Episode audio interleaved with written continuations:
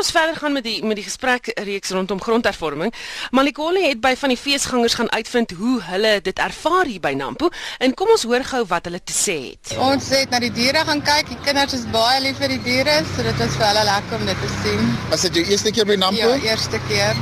En dis baie lekker. What did you come here for? to find out more about chicken farming, the material, where to find chickens. Okay. Ja. And was it worth it? Absolutely. geniet elke oomblik ja baie dinge gesien ek het eintlik na buggies kom kyk is nie 'n boer nie familie van boere maar maar dis dit mm -hmm. maar ek geniet dit is baie lekker jy kry baie verskriklik baie stalletjies allerlei dinge om te doen Well, it's my first uh, time to be here. It's been an eye opener. It's impressive, really. Came specifically to look at uh, the animal section, cattle specifically. My eerste keer ja. Die eerste keer. Ja, En dit is baie lekker. en watter graad is jy? Dis graad 10. Okay, wat was die hoogtepunt vir jou? Uh om die trekkers te sien, die beeste daar aan die ander kant, die demonstrasies wat gegee is en die Mustang wat ek daar aan die ander kant gesien het. En uh, dit was van die feesgangers hier by uh, Nampo Park wat Nampo bywoon wat gesê het want hulle alles sien en as dit jou nou nie lus gemaak het nie, weet ek nie wat gaan nie, maar jy moet vroeg kom want die verkeer staan lang toue. So as jy in die tou staan, wees nou maar geduldig. Dis moet jy saam luister na wat ons hierso alles te sê het. En soos Heinrich gesê het, die grondkwessie bly 'n tamaletjie vir landbouers en rolspelers in die sektor. En verskeie rolspelers in die landbousektor het klem gelê op die feit dat uitsprake rondom grondgryp en nasionalisering deur partye van die kantlyn af net onnodige onsekerheid in landbousektor skep. Dit op sy beurt sal weer kan lei tot 'n tekort aan voedselsekerheid. Um die landbouorganisasie TLESA het onlangs 'n beloning van 100 000 rand uitgeloof van enige iemand wat met bewyse vorendag kan kom uh dat kommersiële boere grond gesteel het van minderheidsgroepe in die land. En ons praat nou met die adjunk hoofbestuurder van TLESA, Benny van Sail. Benny, um het enige iemand nou al gereageer op julle belofte van 'n beloning?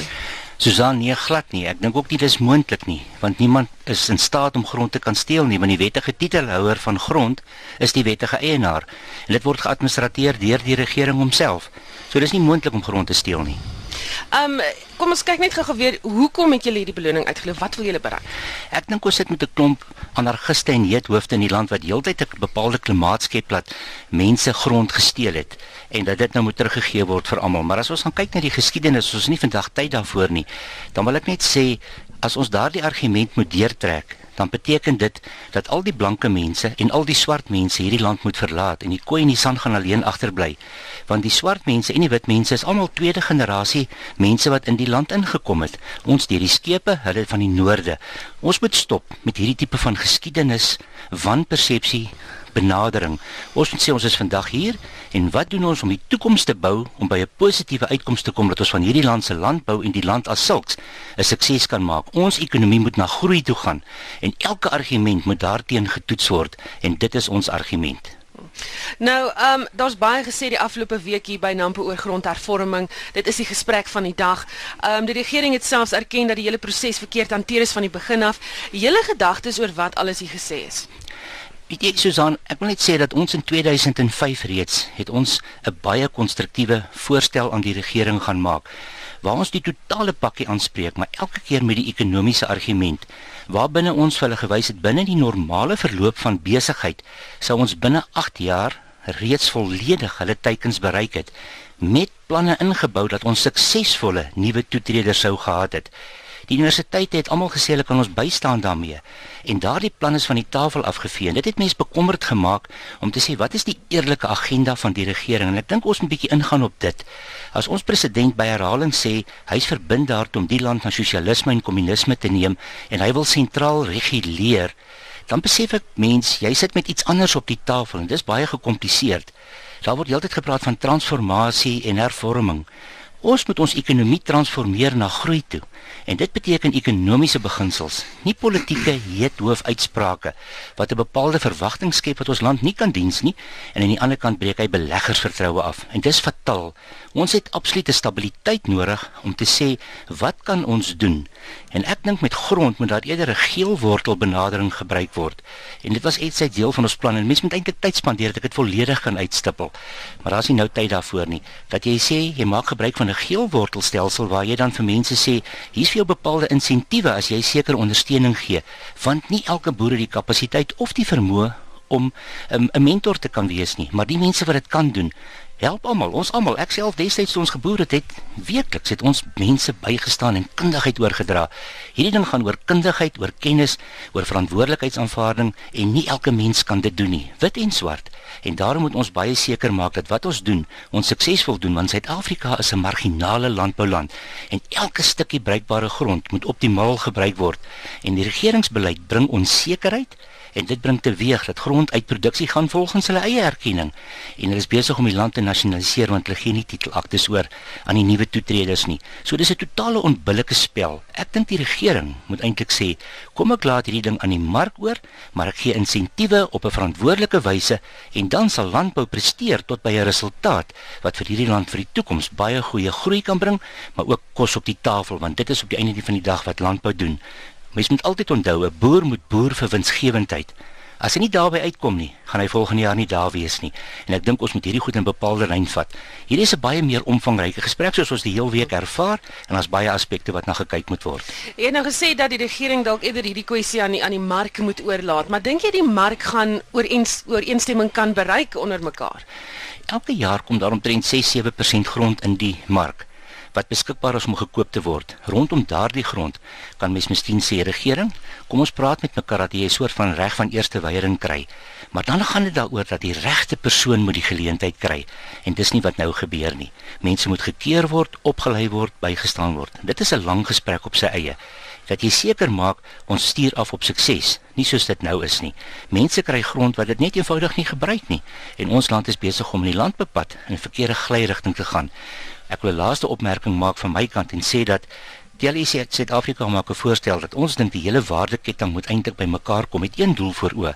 Nie vermededingskommissie en sulke goed nie, maar net te sê kom ons skep 'n volhoubare strategie vir die pad vorentoe om landbou ekonomies positief gerig te kry. En dan gaan ons almal saam regering toe sê regering, jy tas rond, jy bring net mislukkings tafel toe. Kom ons doen dit positief. Kom ons vat hande en ons bring vir jou 'n strategie wat alles kan gebeur en jou teikens kan bereik word, maar dan op ekonomiese gronde. Nie jou politieke retoriek wat nie werk nie. En dit is 'n ding wat ons mee besig is en ons kry baie goeie inkoop. Dit is nie dan 'n Agri SA of 'n Tele SA saak nie, dis dan 'n landbou waardeketting saak dat ons ons bedryf kan red want op die oomblik loop dinge dinge skeef.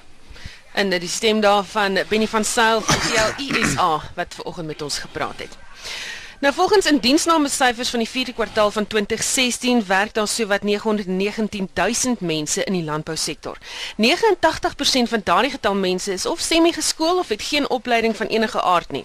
Verskeie boere mekaniseer ook hulle plase omdat dit op die lang duur goedkoper sal wees. En ons praat nou met Pieter Swart, uitvoerende hoof krediet van Senwes. Ehm um, Pieter, kon jy al vasstel hoeveel boere besluit om eerder te mekaniseer? Uh dankie Susan. Wel en as jy gaan kyk na die Senwes uh, bedieningsgebied, het 'n groot aantal van die boere is al in 'n sekere matige uh, pas hulle presisieboerdery toe. Ehm um, van die boere is 100% op presisieboerdery, ander is minder uh, as 100%, maar dit is iets wat uh, wat gebeur en dit is iets wat uh, wat in die toekoms gaan toeneem. Want as jy na boerdery kyk, uh, die boere moet sy produktiwiteit verhoog. Landboupraktyke raak baie meer intensief en verhoogde produktiwiteit beteken ook groter winsgewendheid. So ons sien uh, dit as iets wat sal, sal gebeur. Die die mekanisasie toerusting word al hoe groter, tegnologie is beter om te te verbeter en dit gaan nou weer 'n impak hê op jou arbeid. Hm. Want ek sien hier selfs toeps wat bekend gestel word wat weet die boere kan begin gebruik om om hulle graan te bestuur. Dis baie interessant wat alles ja. hier gebeur. Um Watter rol speel byvoorbeeld die instel van die minimumloon of die voorgestelde minimumloon op die besluit van boere?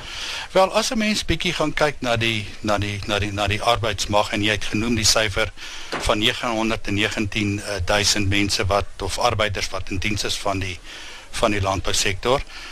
Van daai 919 000 is 89% is of semi-geskoold of ongeskoolde werkers. Nou as jy gaan kyk wat met boerdery besig is om te gebeur en wat die afgelope paar jaar gebeur het. In die eerste plek is daar ekonomie van skaal. Boere het al hoe groter geword. Tweede plek, presisie boerdery het toegeneem. Ek het al reeds genoem van die van die van die toerusting. So daar gaan 'n groter vraag na geskoolde arbeiders wees.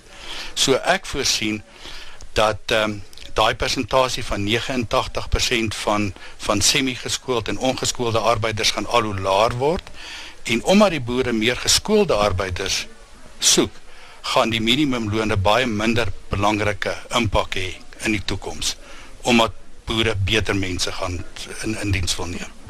Is 'n uh, mekanisering regtig beter as om hande op en voete op die grond te hê? Wel jy moet gaan kyk na die na die kompetisie vir die boer.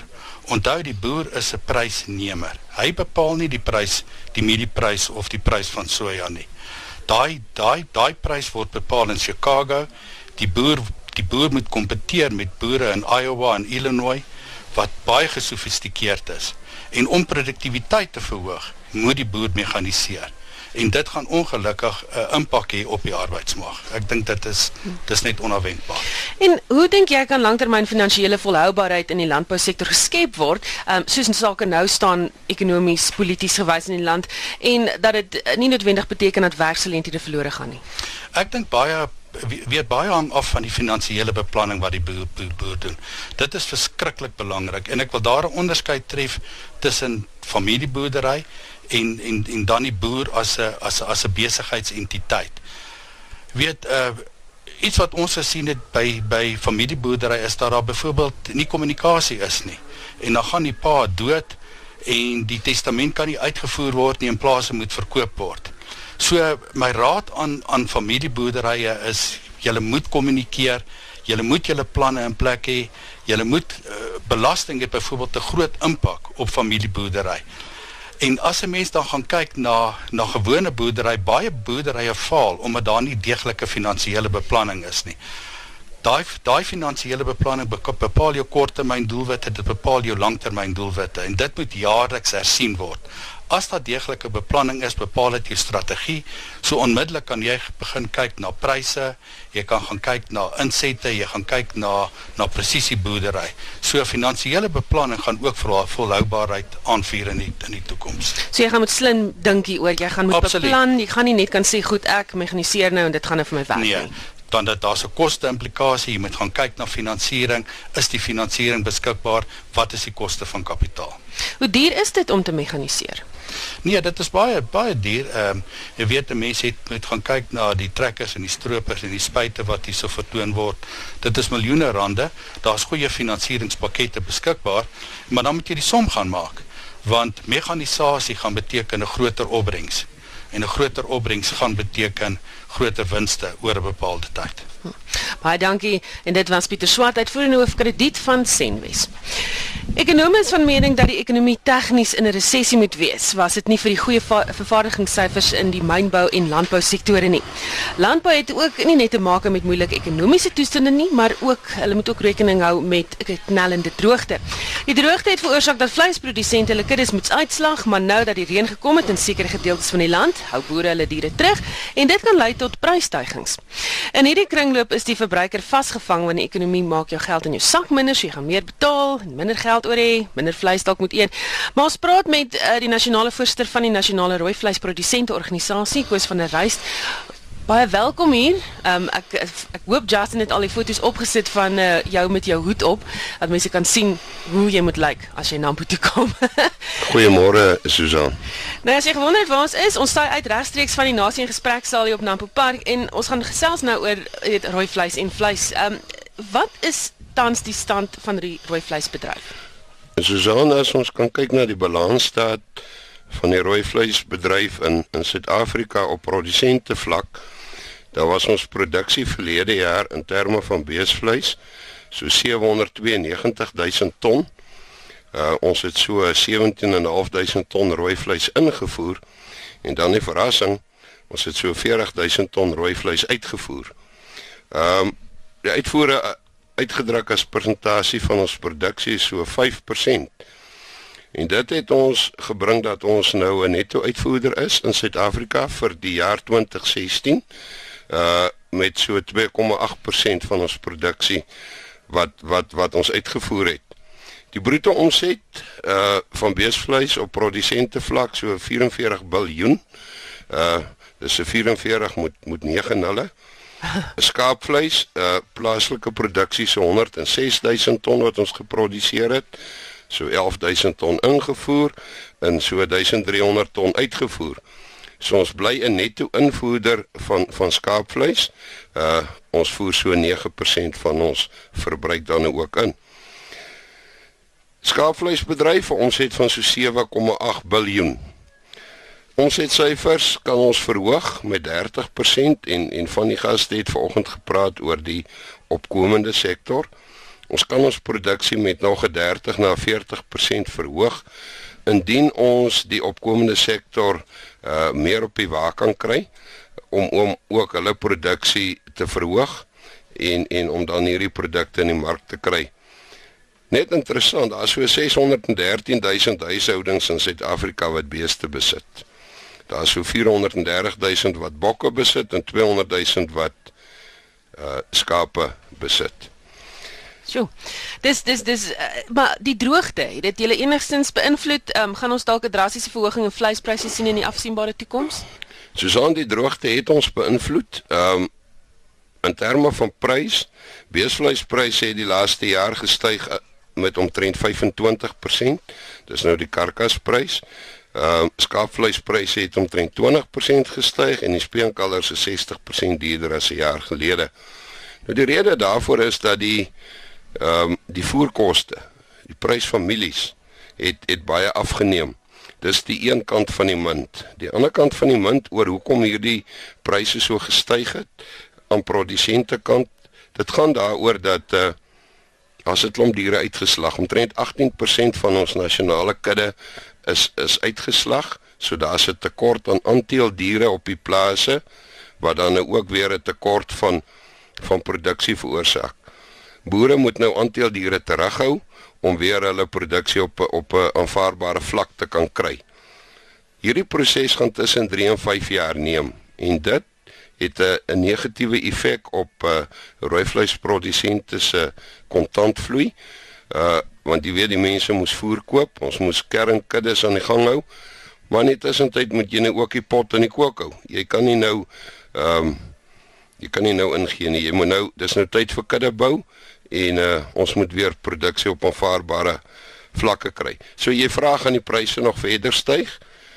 Dis 'n baie moeilike vraag. Die termynmark in terme van beesvleis wys vir ons dat uh ons kan dalk vir die volgende jare wat 'n sywaartse beweging in prys uh verwag. Dit hang alles af van politieke beleid en wat die wisselkoers gaan maak, want die wisselkoers uh is baie volatiel en dit kan dan ook die prys van produk vir die verbruiker op die rak uiteindelik beïnvloed. Ons tyd vinnig besig om uit te hardloop, maar ek wil vir jou vra vee diefstal. Ehm um, hoe groot probleem is dit op die oomblik? Susan vee diefstal waarvan ons weet is 'n 9 'n 960 miljoen rand probleem. Dis waarvan ons weet. Dis omtrent 30% van alle vee diefstal sake word aangemeld. So jy moet eintlik daai syfer moet moet 3 maal om by die werklike syfer uit te kom. Produsente meld nie aan nie. Want hulle het hulle vertroue in die regstelsel verloor. Vee die diewe kom los. Dis 'n klomp uh red tape om om hierdie ons agter tralies te kry. Nou goed. Wat ons nou kan doen?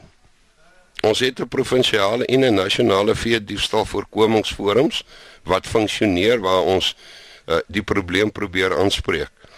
Maar my beroep aan produsente is ouens meld hierdie goed aan. Uh, dan kan ons beding vir hulpbronne en voertuie en en dan het ons 'n debat om te voer. Want dan raak dit 'n 300 miljoen rand probleem wat dan baie meer wesenlik is.